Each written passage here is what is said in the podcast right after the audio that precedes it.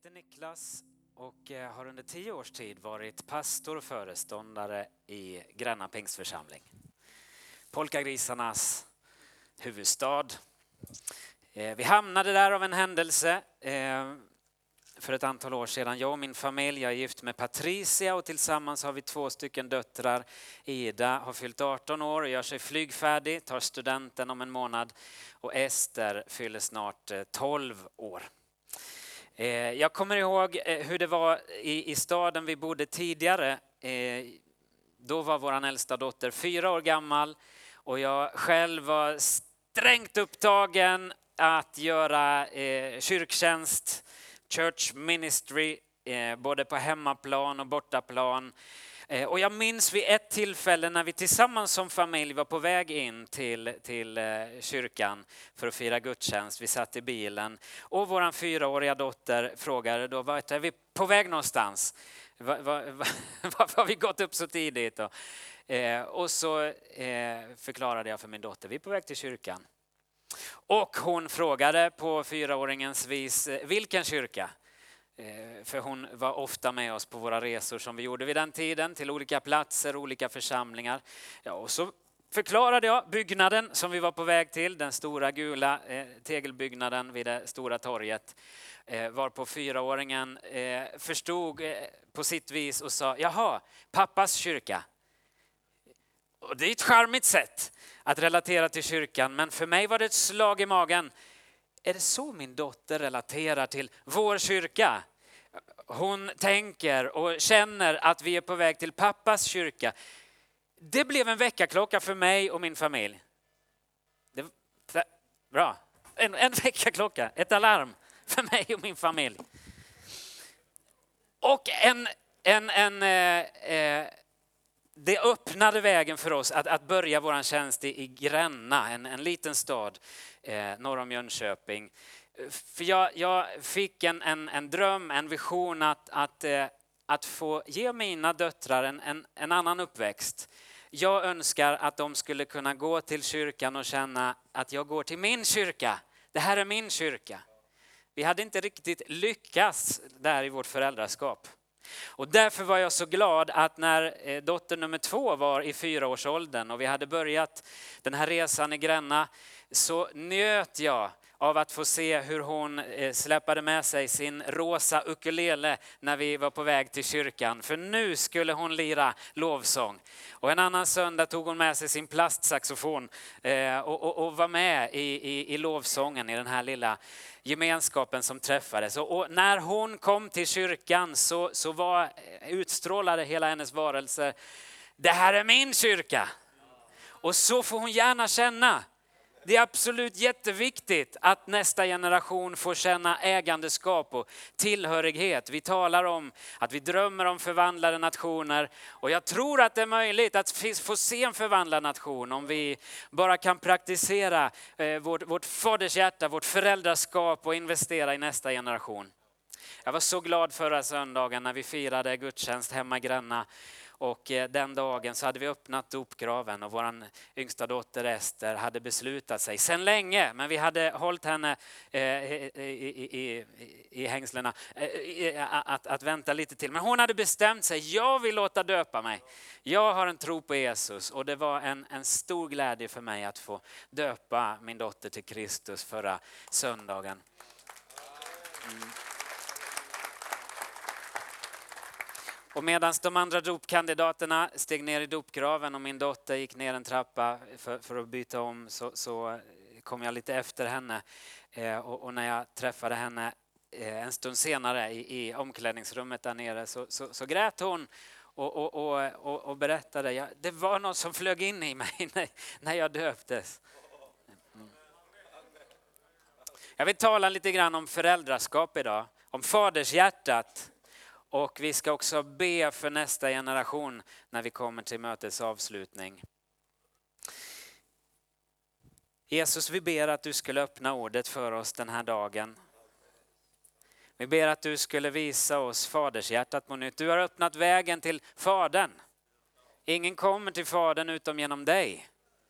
Och den här dagen vill vi lära känna fadershjärtat på nytt. Öppna ditt ord. Låt det bli oss till vägledning, till vishet, till kraft och till tro. I Jesu namn. Amen. Mm. Det har varit en stor glädje att få vara med på den här festen och högtiden den här helgen. Jag älskar fester, jag älskar högtider. Och det här är en spännande tid på året vi befinner oss i. Nu avlöser högtiderna varandra. Och den här högtiden som vi firar den här helgen, den, den, den kommer ofta i skymundan av alla andra, andra stora högtider, julen och påsken. Men Kristi himmelfärd, vilken underbar högtid detta är att fira. Får jag påminna dig om evangeliet, de goda nyheterna. Känner du till de glada nyheterna om Jesus? Om Guds stora kärlek? Jag undrar hur det var i skapelsens morgon när treenigheten, Fadern, Sonen och den helige Ande satt i sitt kök och funderade tillsammans. Hur ska jag uttrycka min kärlek till sonen, tänkte fadern. Förmodligen satt han och drack en kopp te och, och, och, och var djupt försjunken i sina tankar samtidigt som sonen tänkte på samma sätt, hur ska jag kunna uttrycka min kärlek, min värme till den helige Ande? Och i samma stund satt den helige ande och tänkte, vad skulle jag kunna göra, vad skulle jag kunna ge Fadern för att uttrycka min kärlek? Du vet treenigheten i detta mysterium som, som bäst beskrivs som en gudomlig dans av utgivande kärlek. Där föddes i, i, i tidernas början, innan tiden fanns, en tanke i Guds hjärta. Jag vill uttrycka min kärlek genom att skapa människobarn. Det var tanken som, som, som treenigheten bar. Långt innan världens grund var lagd fanns du i Guds hjärta, i Guds tanke.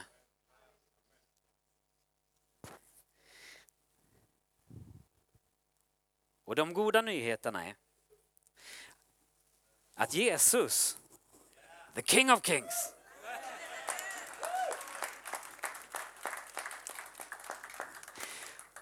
Han accepterade kostnaden och priset för vad denna plan skulle innebära för honom. Innan världens grund var lagd var lammet utsett. Var planen fastbeställd. Din räddningsplan. Jesus, Guds son, han överlät sig att lämna sin härlighet, att klä av sig sin härlighet och stiga ner till jorden, vandra på våran mark, på våran jord. Undervisa oss om Guds faders hjärta och ge oss ett exempel att följa. Och han viker inte en tum från den plan som är fast bestämd. Han går hela vägen. Och i ett semane kvällen innan korsfästelsedramat så böjer Jesus sina knän med dig och mig i sin tanke, med ångesten som kommer över honom, med blodet som droppar ner från hans panna så ber han Abba fader, för dig är allting möjligt. Och så ger Jesus sitt liv, sitt blod för dig och mig. Påskdagen kommer, Jesus går ut ur graven, han visar sig under många dagar för sina vänner, för efterföljarna, för lärjungarna. Och så kommer den här dagen, Kristi himmelfärdsdag, när de är samlade på Olivberget och Jesus eh, tas upp till himlen. Jag vet inte hur det är med dig. Tidigare har jag haft en ganska eh, medeltida bild av hur, hur, hur det här eh, förhöll sig. Eh, Var tog han vägen? Jag har föreställt mig hur Jesus lyftes upp och, så såg man förmodligen fötterna efter ett tag. Hur, gick det här till och vart tog han vägen? Och sen när jag förstår att, att, att ingenting kan färdas snabbare än ljusets hastighet Eh, hur, va, va, åtta minuter tar det för ljuset att nå till solen. Eh, och, och, och, och, fyra ljusår till vår närmaste stjärna. Och, och vår galax är, är 100 000 ljusår i, i diameter. Alltså, hur, hur långt har Jesus kommit vid det här laget? Var, var, befinner han sig nu? Inte undra på att det har dröjt, att han kommer tillbaka. För 2000 år har han inte hunnit särskilt långt. Till nästa galax i universum som är Andromeda-galaxen så är det 2,5 miljoner ljusår. Grundtexten säger att ett moln välkomnade Jesus, tog upp Jesus. Han togs ur deras åsyn, han, han välkomnades in i det himmelska, in i den dimension som Jesus kallar för, för Guds riket, som är mitt ibland oss. Min vän, Jesus är inte långt borta från någon enda av oss. I honom är det vi lever och rör oss och finns till. Och han är närmare dig än vad du kan förstå. Jag har räknat hårstråna på ditt huvud, säger Jesus. Förrän ett ord är på din tunga så känner jag det till fullo. Han är nära dig. Nu ska jag läsa en text som hör den här söndagen till. Och vill du följa med så är det Sakarja bok. Profeten Sakarja kapitel 14. Jag läser från vers 4 och framåt. Den dagen ska han stå med fötterna på Olivberget som ligger invid Jerusalem på östra sidan. Och Olivberget ska rämna mitt i tu, från öster till väster i en väldig dal. Ena halvan av berget viker åt norr och andra halvan åt söder. Dalen mellan mina berg ska spärras och nå till Asal. Den ska spärras som vid jordbävningen på den tid då Ussia var kung i Juda. Herren, min Gud, ska komma och alla heliga med honom. Den dagen ska det inte längre finnas någon kyla eller frost. Det ska vara en ständig dag. Herren vet när den kommer. Och ingen växling mellan dag och natt, utan när kvällen kommer ska det vara ljust. Den dagen ska friskt vatten strömma ut från Jerusalem, hälften mot östra havet och hälften mot västra havet. Sommar och vinter ska det vara så. Och Herren ska vara konung över hela jorden. Den dagen ska Herren vara en och hans namn ett enda. Vi väntar på den dagen när Jesus på nytt ska träda fram, bli synlig och vara konung över hela jorden. Lord of Lord and King of Kings. Den dagen ska Herrens namn vara ett enda. Alla ska känna honom på samma sätt. Den dagen ska det råda ett och samma rykte om Gud. Herrens namn ska på den dagen vara ett enda. Idag existerar det många föreställningar om Herren. Vi kan relatera till honom på många olika sätt. Människor har många olika uppfattningar om Herren. Men den dagen ska hans namn vara ett enda.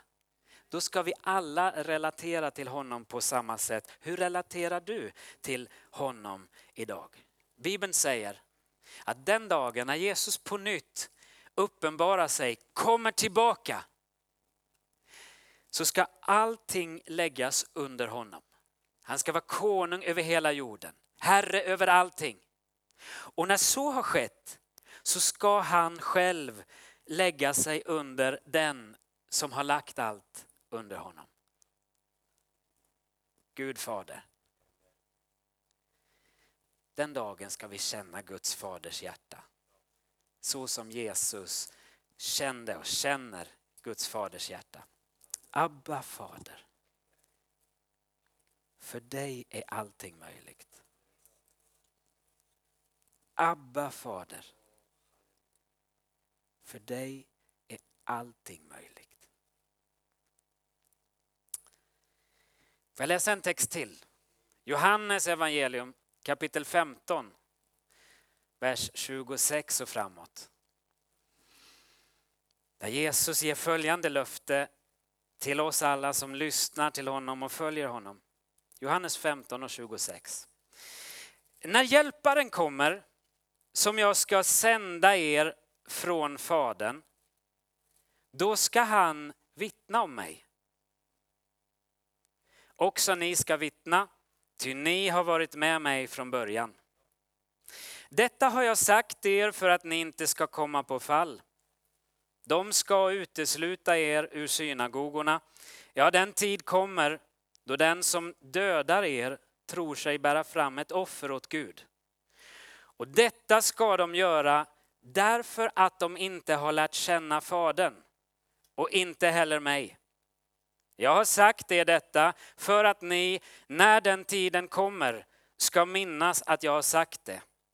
Jag sa er inte det från början eftersom jag var hos er. Jesus talar om en kommande tid i det här stycket när människor tror sig göra rätt. En tid när människor kommer att utöva religion och tro sig göra rätt när de utlämnar Kristi efterföljare till att dödas. Varför ska detta ske, säger Jesus? Jo, därför att de inte har lärt känna Fadern. Det finns många föreställningar om Herren. Det finns många saker vi kan veta om Herren.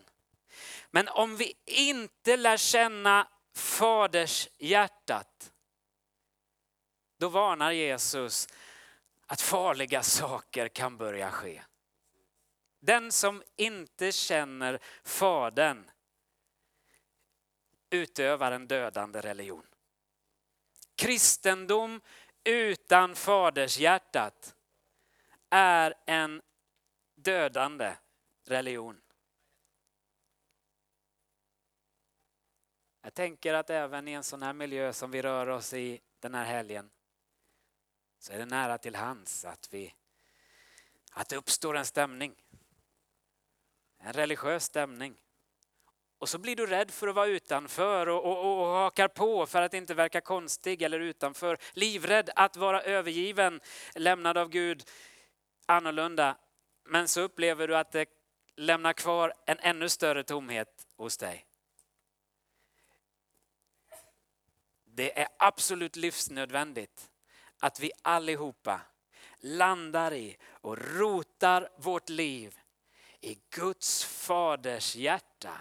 Att vi lär känna Fadern. Jesus säger ju i stycket vi läste, Hjälparen, när Hjälparen kommer, som jag ska sända er från Fadern.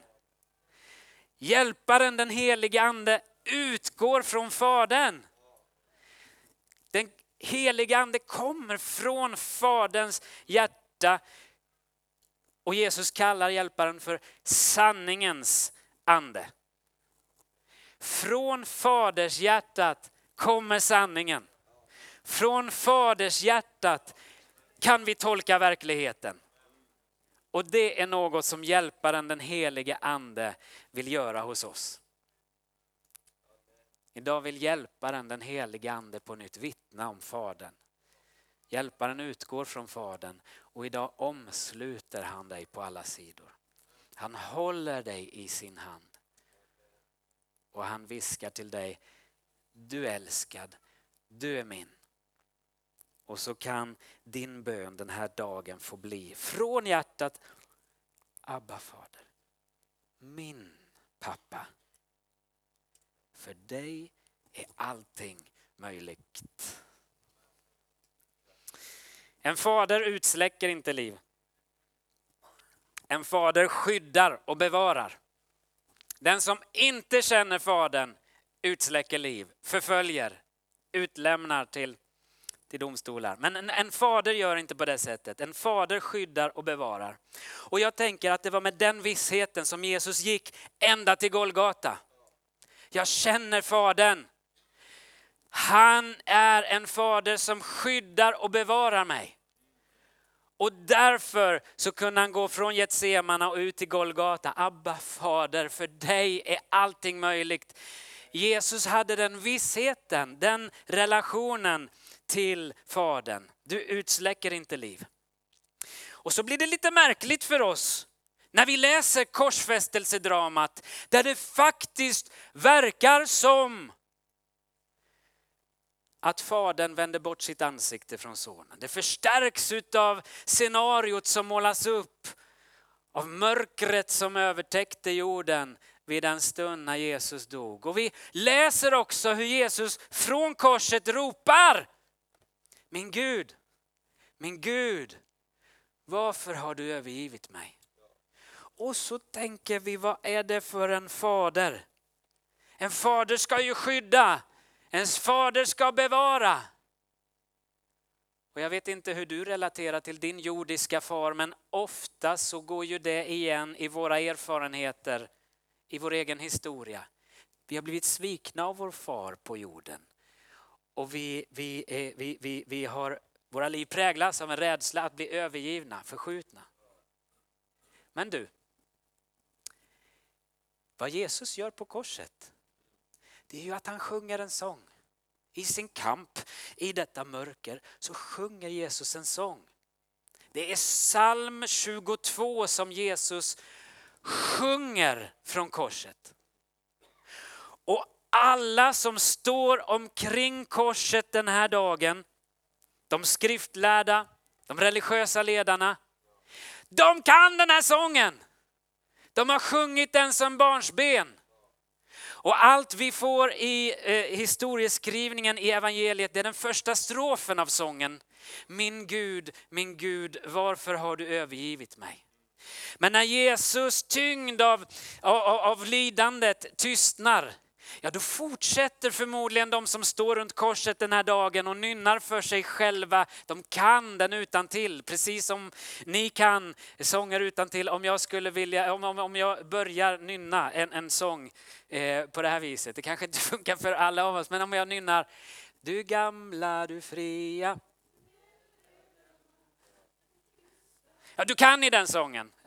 Eller, O store Gud, när jag den värld beskådar. Okej, okay. det räcker med en fras för att ni ska kunna åtminstone en vers eller två versar. Jesus sjunger. Min Gud, min Gud, varför har du övergivit mig?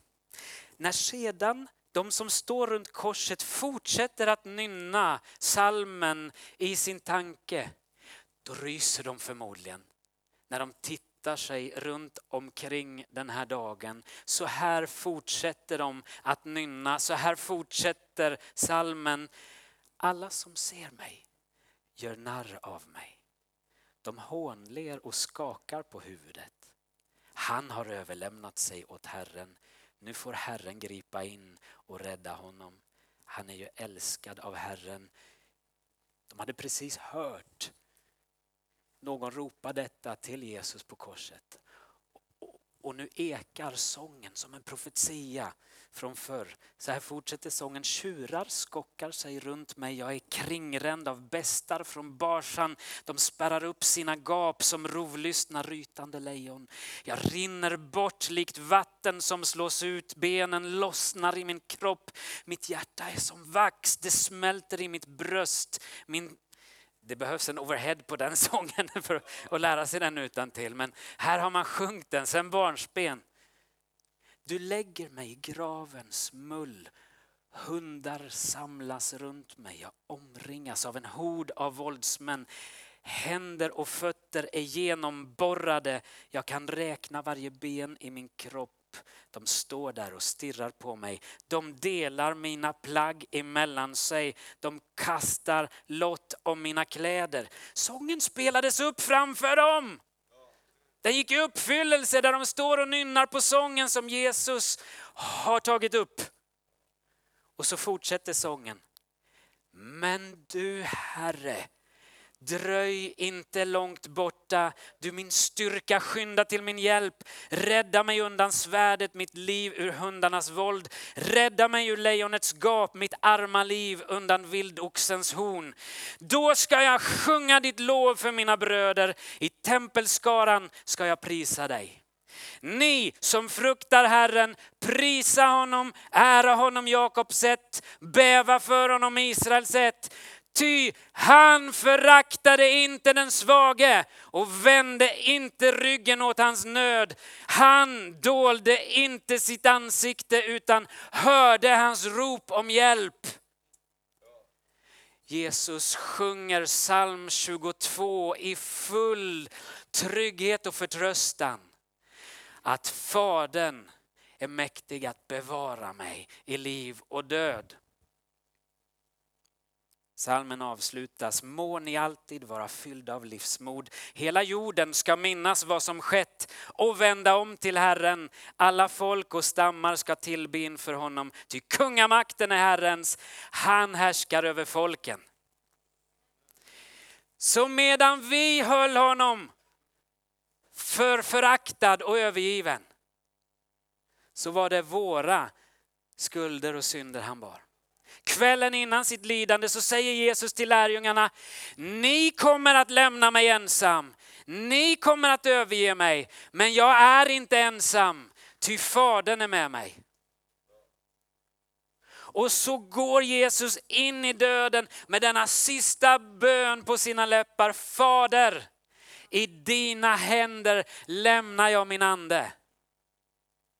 Så trygg om den ständigt närvarande Fadern. Den som inte lärt känna Fadern dödar och släcker liv. Men den som lärt känna Fadern räddar liv, bevarar liv, beskyddar.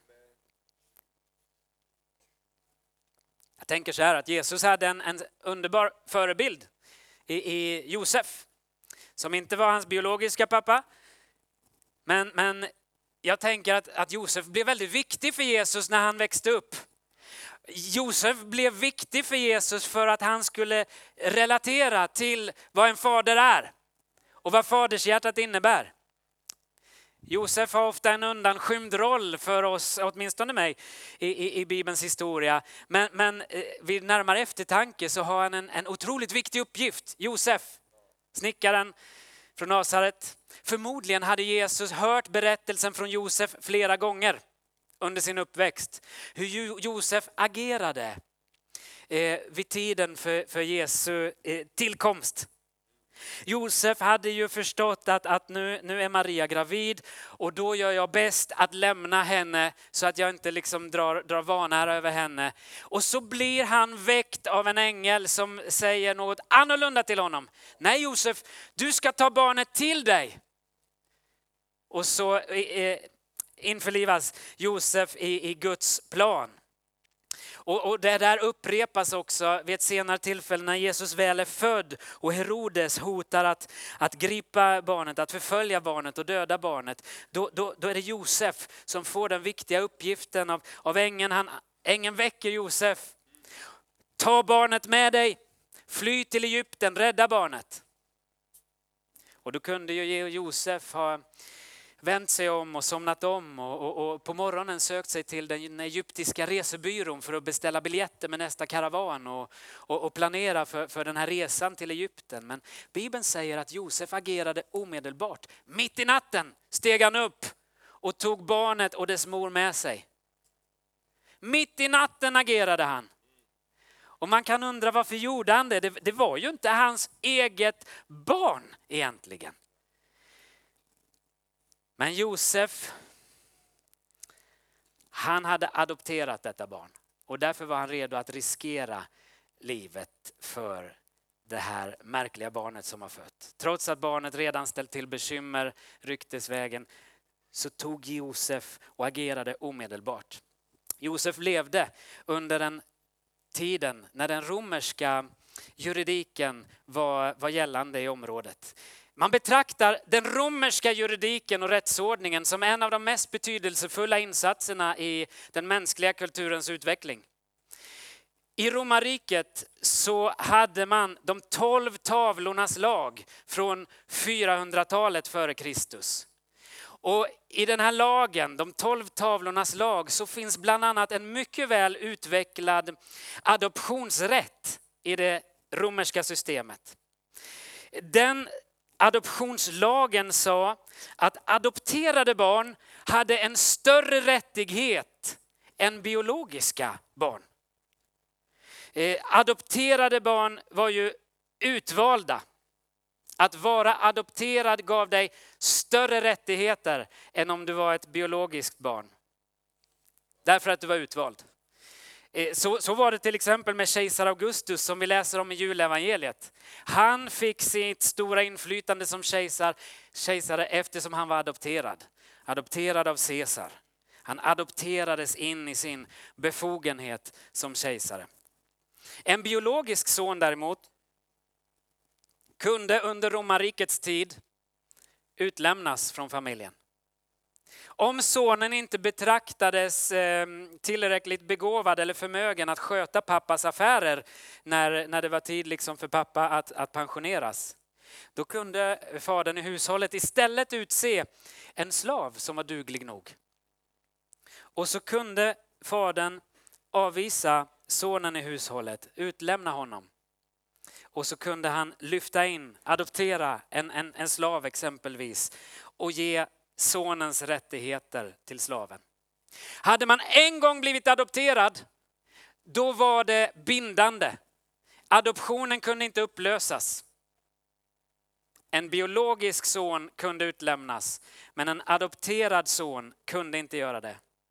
Josef, han hade ett särskilt band till Jesus. Han hade fått välja att bli barnets jordiske far. Och nu kunde han inte låta sonen utlämnas. Därför så, med risk för sitt eget liv, så räddar han barnet och familjen till Egypten. Och Jesus lär sig något om, om faders hjärtat, om vad det innebär att ha en pappa som riskerar livet, som skyddar, som bevarar. Och det här är viktigt för dig och mig också.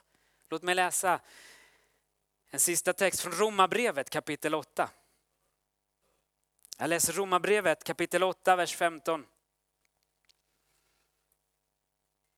Ni har inte fått en ande som gör er till slavar så att ni måste leva i fruktan igen. Ni har fått en ande som ger söners rätt så att vi kan ropa Abba, Fader. Anden själv vittnar tillsammans med vår ande om att vi är Guds barn. Men är vi barn så arvingar, Guds arvingar och Kristi medarvingar om vi delar hans lidande för att också få dela hans härlighet. Jag menar att våra lidanden i denna tid ingenting betyder mot den härlighet som skall uppenbaras och bli vår. Paulus mottagare av det här brevet i Rom, de kunde förstå vad Paulus menade. De kunde relatera till vad det innebär att bara att vara son eller att vara slav. Vid den här tiden var slaveriet mycket utbrett i, i romarriket. Slaveriet var ju accepterat i, alla antika statsbildningar. Men i romarriket så fick slaveriet på allvar en stor ekonomisk betydelse. Slaveriet var så utbrett att de flesta historiker menas, menar att, att det romerska samhället var beroende av slavarbetskraft för att kunna fungera. Bara i nuvarande Italien så beräknas antalet slavar ha varit flera miljoner. En tredjedel av Roms invånare var trälar, slavar. Någon slav borstade tänderna på en konsul. Tiotusentals slavar arbetade på fälten eller i saltgruvorna. En sak hade slavarna gemensamt. De var rättslösa. Och här, på Forum Romana, torget i hjärtat av Rom, där stod slavarna uppställda på plattformar. Nakna och avklädda för att kunna betraktas av potentiella köpare att slava i deras hushåll.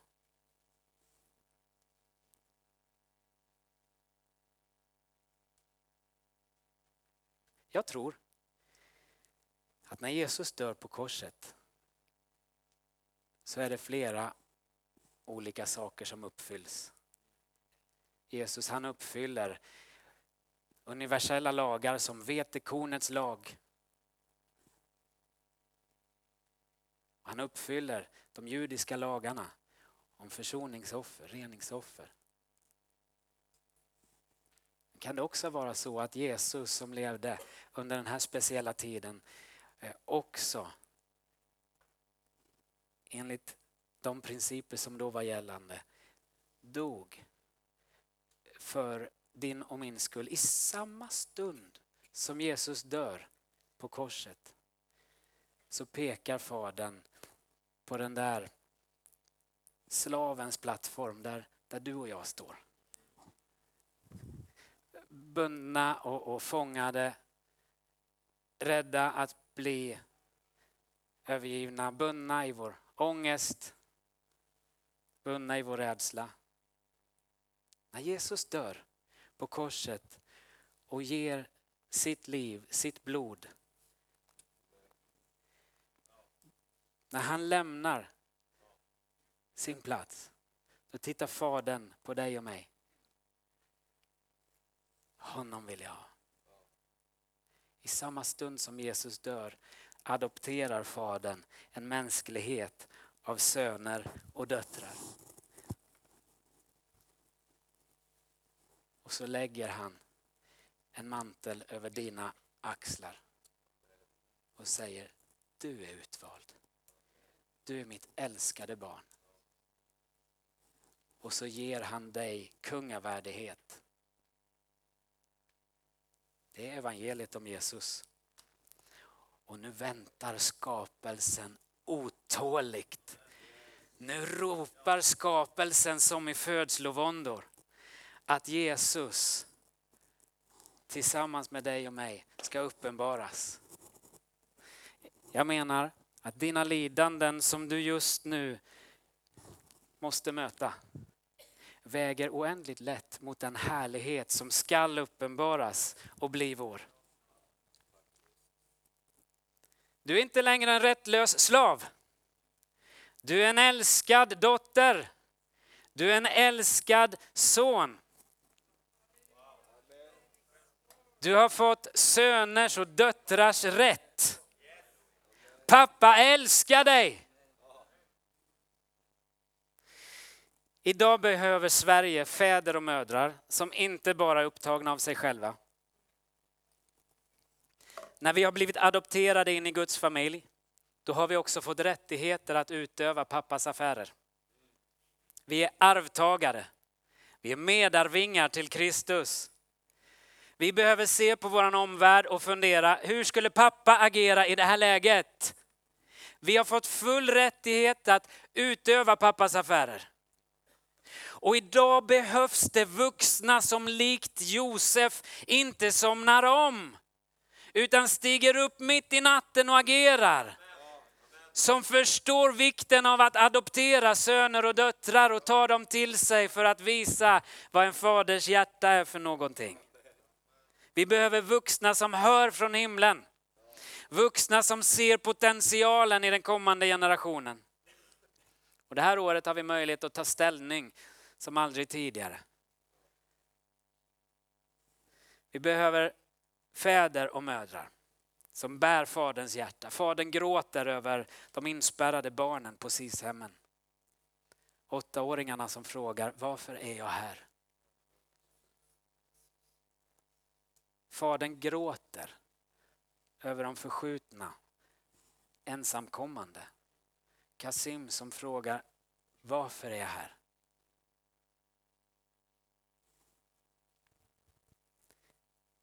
Fadern vill utgjuta hjälparen som utgår från sitt hjärta, sitt faders hjärta. Adoptionens ande. Herodes som levde samtida med, med julevangeliet, när Jesus föddes, det berättas om honom att han hade en dysfunktionell familj. Han, han praktiserade den romerska lagen. Han lät döda tre av sina egna söner. Till och med sin egen fru, Mariamne, lät han utlämna. Den judiska historikern Josefus han skriver att när Herodes låg svårt sjuk på sin dödsbädd i Jeriko, då var han orolig för att han inte skulle sörjas. Han var så upptagen av sig själv. Så han befallde därför att alla inflytelserika i landet skulle samlas eh, och, och, och i samma ögonblick som han dog så skulle de dödas. På så vis så skulle han säkerställa att det blev landssorg vid hans död. Nu fullföljdes aldrig den här galna orden. Herodes var upptagen av sig själv. Han brydde sig inte ens om sin egen familj. Den som inte känner faderns hjärta dödar och utlämnar och släcker liv. Men den som känner faderns hjärta vet att bevara, att skydda och att rädda liv. Det kommer en dag när Herrens namn ska vara ett enda och ryktet om honom ska vara ett enda. En dag när Jesus går före oss och lägger allt under Fadern. När jag var liten så eh, följde jag med till slalomskola i Järrabacken utanför Jönköping. Egentligen ville jag inte gå skidskolan, men jag ställde upp för jag tänkte att det kunde göra min pappa glad. Skilsmässa hotade vid horisonten och jag ville som 11-åring göra allt för att eh, rädda den kommande katastrofen. Så jag följde med eh, för att, för att eh, liksom, pappa skulle bli stolt över mig.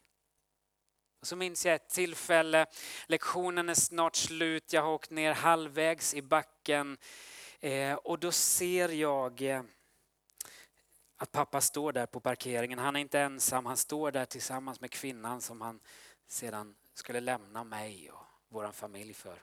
Den dagen, där i mitten på backen, så förstod jag att skilsmässan det var ett faktum. Jag blev så arg. Elvaåringen blev så vred, livrädd att bli övergiven. Jag minns att jag mumlade i, i, i backen där. Jag kommer att Skratta den dagen du dör pappa. Och så åkte jag ner. Arg, men mest av allt rädd. Under den perioden så var det en person som blev viktig för mig, en, en morbror som, som såg mig i, i, den här krisen och katastrofen som utspelades omkring oss. Han engagerade mig i en av kyrkans verksamheter och lät mig spela in närradio tillsammans med honom. Och det var egentligen inte det som var det viktiga i sammanhanget utan han passade på att när han körde hem mig om kvällarna så, så frågade han mig allt som oftast, vill du ta en promenad innan, vi, innan du går in?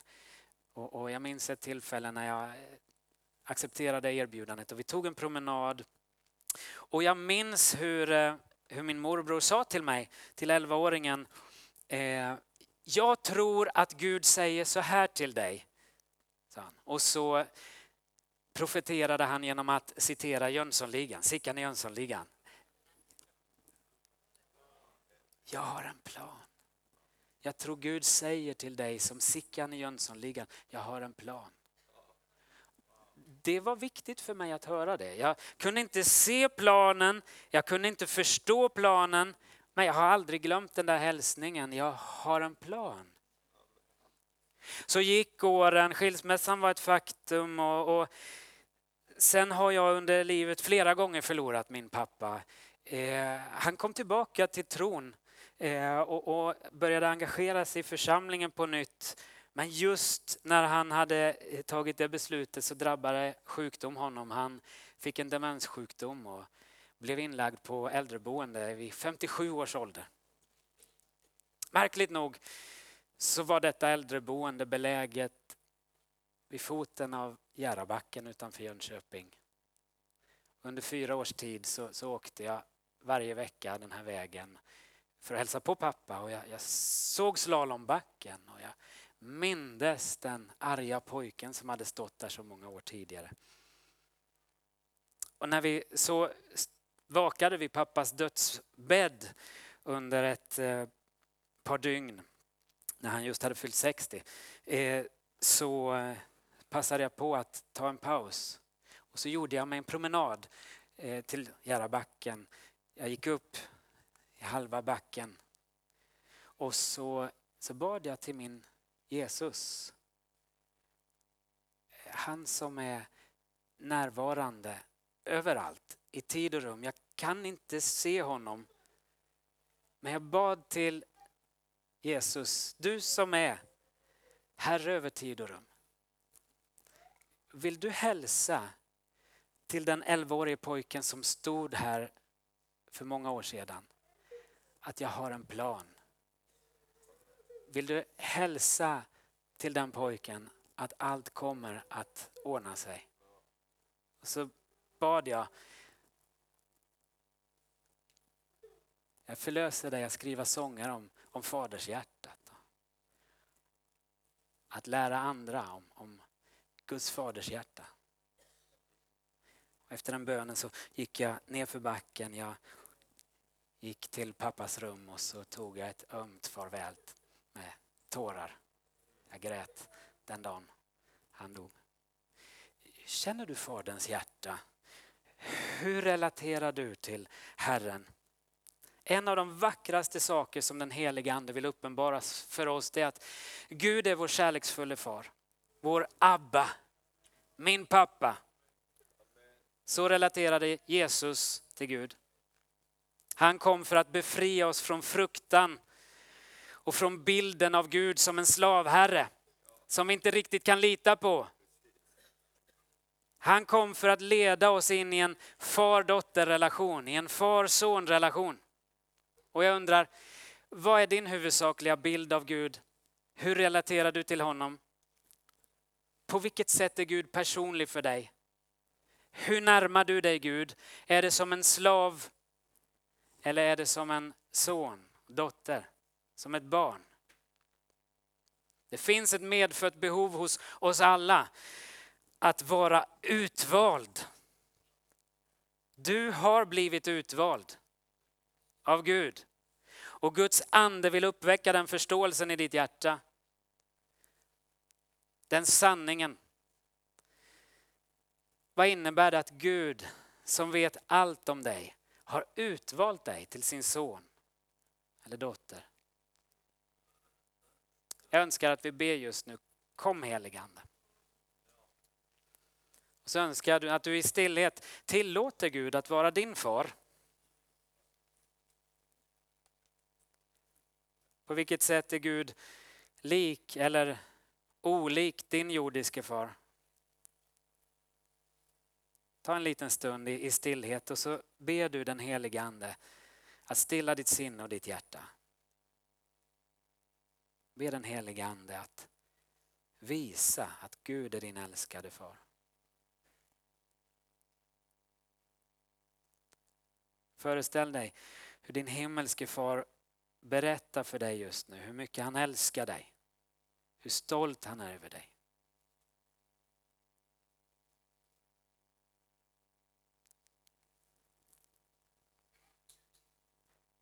Abba fader. För dig är allting möjligt.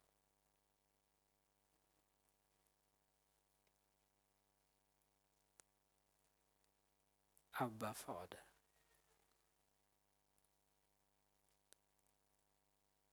För dig är allting möjligt.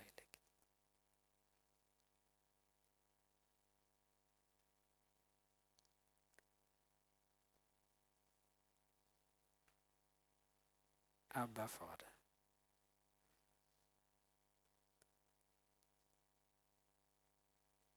För dig är allting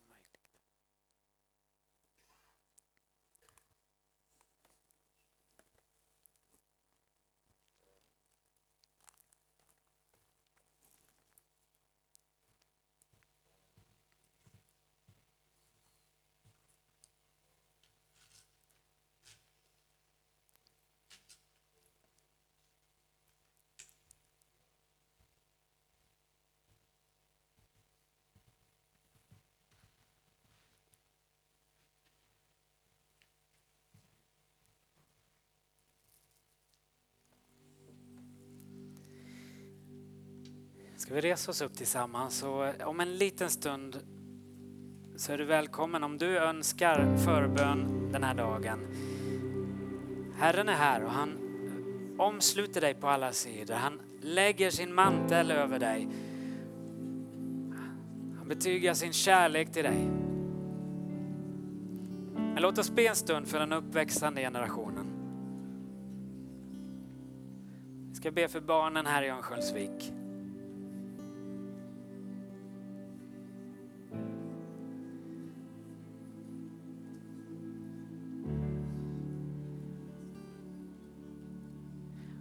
Vi har förstått Jesus att när den helige Ande är här, som utgår från Fadern, då får vi en ny bild av, av, av Gud. Upprätta vår förståelse att vi älskade, lyft oss upp den här dagen. Väck på nytt förståelsen av Faders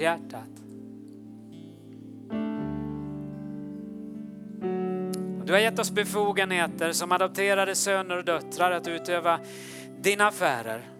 Och därför vill vi i helig bönetjänst be för den uppväxande generationen. Jag ber för David och de som leder barnverksamheten i den här församlingen. Jag ber för fäder och mödrar som leder sina barn till den här kyrkan.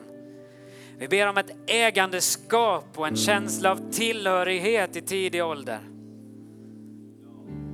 Hjälp oss att inte vara så upptagna av oss själva att vi glömmer nästa generation, att vi förskjuter nästa generation. Vi förstår att det är avgörande för vår nation.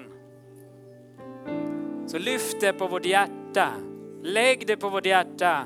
Gör oss till fäder, till mödrar som återspeglar Faderns hjärta. Be en bön för den församling du representerar. Be för barnen, den uppväxande generationen på den plats där du lever. Öppna ditt hjärta och ställ dig till förfogande att vara den far, den mor som barnen i ditt område, i din närhet ropar efter.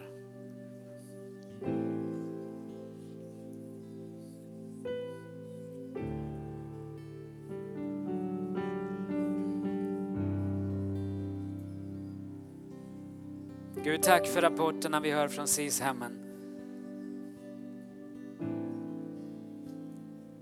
Tack för dörrar som öppnas. Och vi ber om en förändring Jesus. Vi ber om ett hem för de som inte har ett hem. Vi ber här att du ska trösta de som ingen tröstar. Uppenbara ditt faders hjärta Jesus.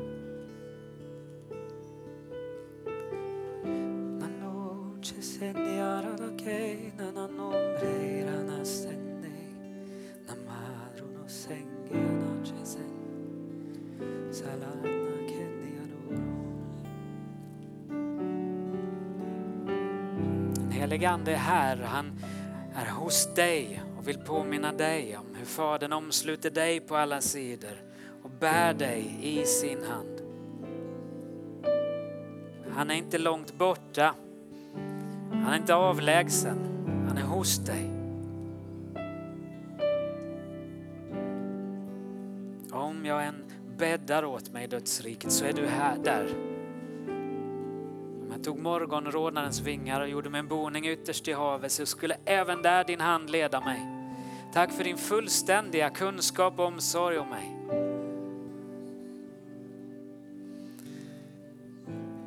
Så öppna ditt hjärta och ta emot den upprättelse, läkedom och tröst som Fadern vill skänka dig den här dagen. Den vila som han vill ge dig.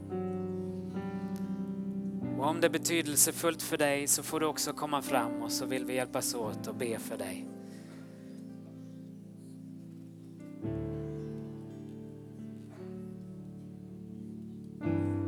Abba Fader,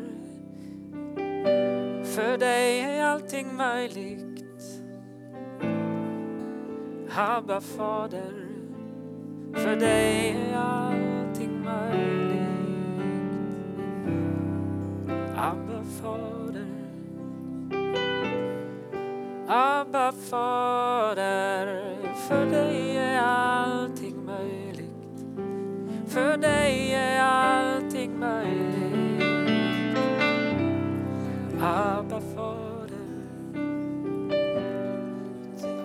Fader.